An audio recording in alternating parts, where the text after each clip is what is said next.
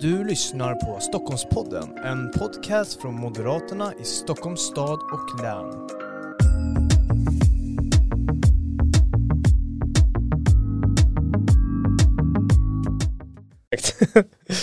eh, bra, får jag välkomna dig igen då.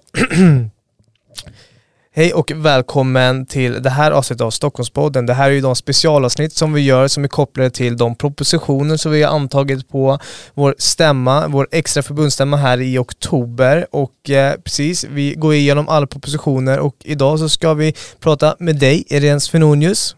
Välkommen hit. Tack så mycket. Det är ju så att du har varit med och skrivit en proposition till länsstämman som handlar om en friare och tryggare Stockholmsregion och eh, vi ska ju prata lite om den sjukvårdsdel som du har skrivit i den här propositionen. Eh, det kanske inte är så konstigt i och med att du är finansregionråd också så är det ju väldigt passande.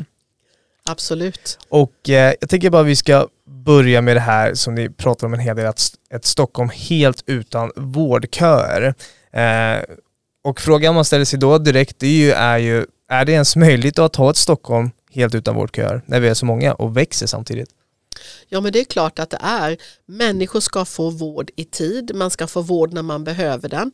Och eh, vården kan ju, det kan ju vara olika typer av vård. Det kan vara allt ifrån att man ska få en tid hos sin husläkare till att man ska eh, operera ett knä eller undersöka halsmandlarna. Men oavsett vad det är för vårdbehov man har så ska man få det tillgodosett. Och jag tycker att det är ett rimligt krav som stockholmarna kan ställa på oss som politiker att vi ser till att vi har eh, vård i tid och inga vårdköer. Mm. Och i den här propositionen så lägger ni fram, bland annat fram att ni vill ha ett regionalt mål för när vårdköerna ska vara borta. Eh, varför det? Ja men nu har vi ju eh, lite längre väntetider i vården än vad vi har haft på många år. Stockholmarna har ju, fått, har ju faktiskt kunnat vänja sig vid att vi har Sveriges kortaste vårdköer i Stockholm. Tillsammans med Halland är vi bäst i landet på detta. Det var vi före pandemin, det har vi varit under pandemin och det ska vi vara efter pandemin. Då ska våra vårdköer bort. Och då måste man sätta mål. Sätter man inte mål, ja men då blir det bara fluff. Vad mm. man behöver göra är att man man sätter en, en gräns för då ska det vara avbetat. Och det innebär ju sen att, att när vi eh, beställer sjukvård, när vi eh, pratar med de som bedriver hälso och sjukvård så vet de vad vår förväntan är och kan bygga en kapacitet utifrån det. Mm. Det här med att sätta mål kanske inom sjukvården och så vidare, är inte det lite svårt? Vi har ju precis upplevt en pandemi här, det kommer ju saker och ting som kanske bromsar det. Eh, tar man med sånt i beräkning eller är det viktigaste att ha ett mål att jobba mot? Ja men det är oerhört svårt naturligtvis eh, när man inte vet vad som kan hända. Det, det kan ju alltid inträffa pandemier eller stora katastrofer av olika slag. Mm. Men vi måste planera utifrån en, en, ett normalläge. Och då ska vi ha målet att människor ska få vård när de behöver den. Och om det skulle inträffa att man måste göra bedömningar, att vi inser att, eh, ja men som nu under pandemin, vi har fått ställa in planerade operationer, planerade behandlingar, ja men då är det de medicinska behoven normalt mm. som alltid ska gå först och så är det ju i all hälso och sjukvård, sjukast först, alltid. Mm. Och eh, det gäller ju även framåt naturligtvis. Det, och det tycker jag är en grundbult som man aldrig får glömma bort. Den som är sjukast går alltid först. Det handlar inte bara om vilken väntetid man har utan det handlar också om hur allvarlig sjukdomen är. Har man en levercancer så är det oerhört allvarligt. Då, eh, då måste man få både vård och behandling oerhört mycket snabbare än om man har en annan mycket enklare sjukdom. Mm. Och i propositionen så vill ni ha en vårdgaranti och eh, jag undrar nu om den här vårdgarantin faktiskt fungerar i praktiken när det är stort tryck på våra sjukhus och min fråga är då om vi måste kanske arbeta med att minska trycket på vården innan man sätter upp ja, vårdgarantier och så vidare. Det här var på 90 dagar som ni skriver i propositionen.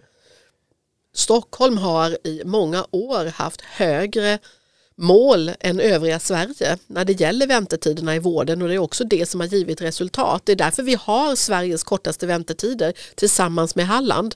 Det är för att vi har jobbat mot ett mål och det har varit 30 dagar till första eh, besöket hos en specialistläkare. Och under pandemin har vi tvingats att eh, gå in och använda det nationella målet på 90 dagar. Mm.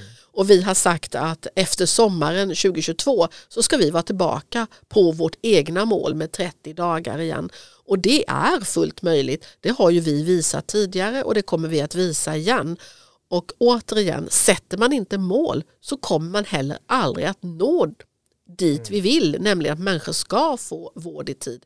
Ingen ska behöva gå med den oro som det innebär att inte ha fått en diagnos på sin sjukdom.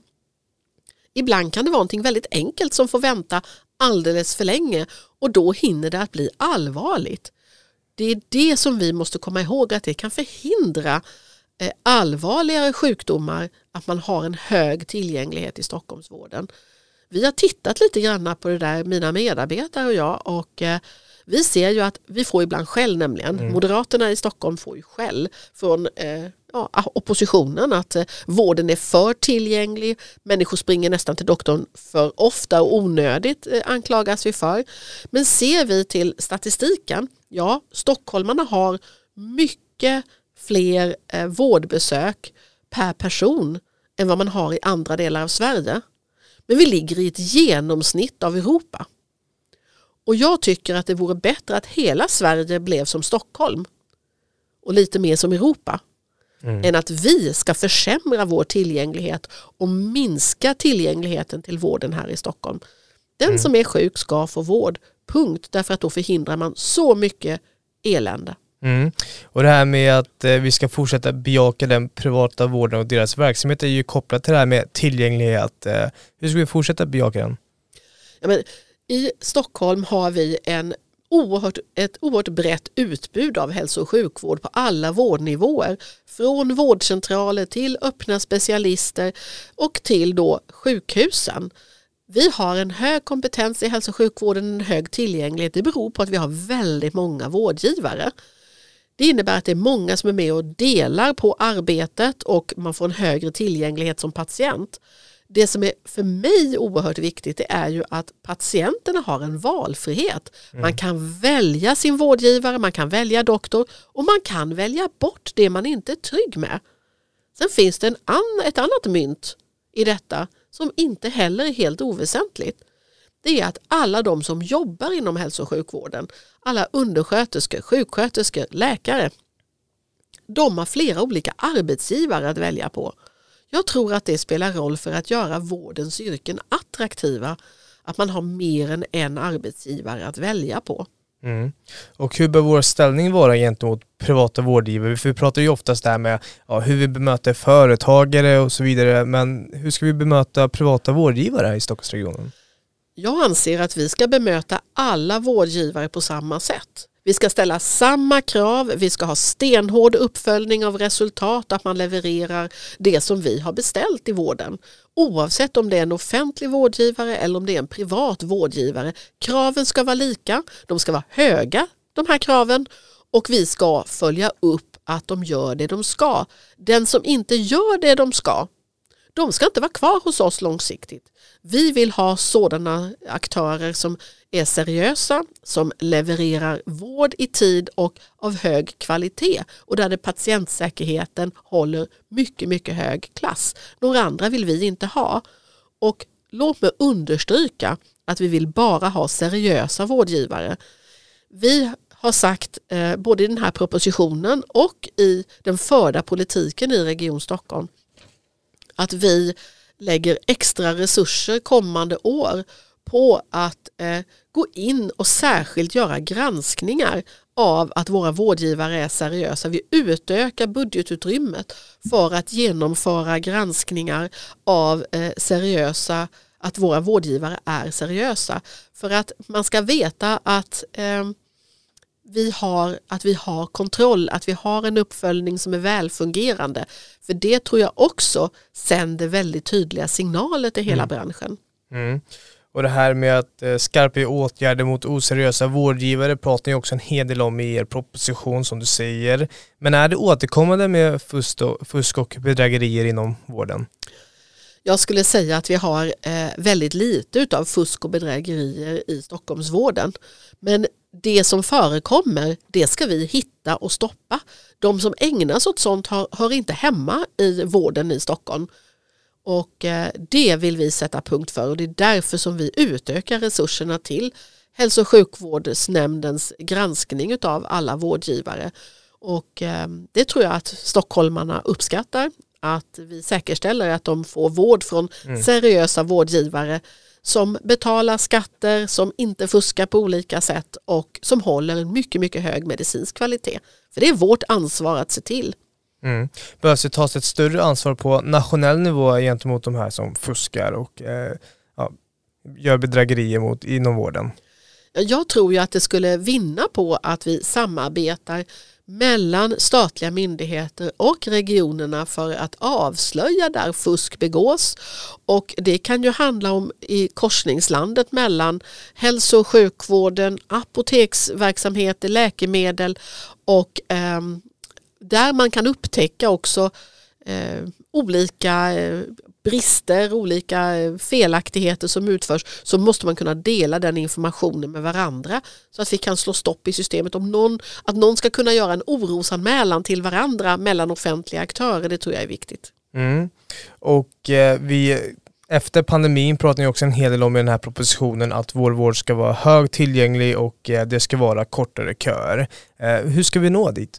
Ja, det handlar om att vi eh, har eh, våra valfrihetsmodeller. Vi har många olika vårdaktörer och eh, patienterna kan välja mellan dem. Det handlar också om att vi har tillfört särskilda resurser för att kapa vårdköerna efter pandemin och väldigt många av de resurserna har landat hos våra akutsjukhus. För också de har ju fått skjuta upp en hel del av den vård som inte kan bedrivas någon annanstans än inne på akutsjukhusen och då måste de få pengar för att genomföra det. Vi ser i år att Karolinska universitetssjukhuset, där ställde medarbetarna upp och genomförde operationer före midsommar för att kapa bort alla väntetider inom cancer. Nu under hösten har de gjort om samma bragd och innan vi går på julafton så ska de ha genomfört 1500 extra operationer under denna höst för att kapa väntetiderna och det är med hjälp av de särskilda pengar som vi har tillfört. Och det här har varit så framgångsrikt att Karolinska nu sträcker ut en hand till övriga Sverige och säger att vi har möjlighet att ta emot patienter från andra regioner för att genomföra canceroperationer så att man kan rädda ännu fler liv. Mm. Och i er proposition så pratar ni också en hel del om ungdomspsykiatrin. Eh, ni lyfter verkligen upp den och ni menar att man måste prioritera insatser där. Eh, vilka insatser pratar man om? Ja, det här är ju en, eh, ett område som är oerhört angeläget. Inte minst i ett storstadsområde. Vi ser hur den psykiska ohälsan breder ut sig och eh, det gjorde den före pandemin. Och pandemin har sannerligen inte gjort det bättre. När människor ska leva mer isolerade, man kan inte umgås med sin familj som normalt, man har inte kunnat träffa sina vänner. Då är det många som mår dåligt, man har inte kunnat gå till jobbet. Och eh, vi behöver bygga ut eh, arbetet, både förebyggande arbetet och vården eh, med, mot psykisk ohälsa.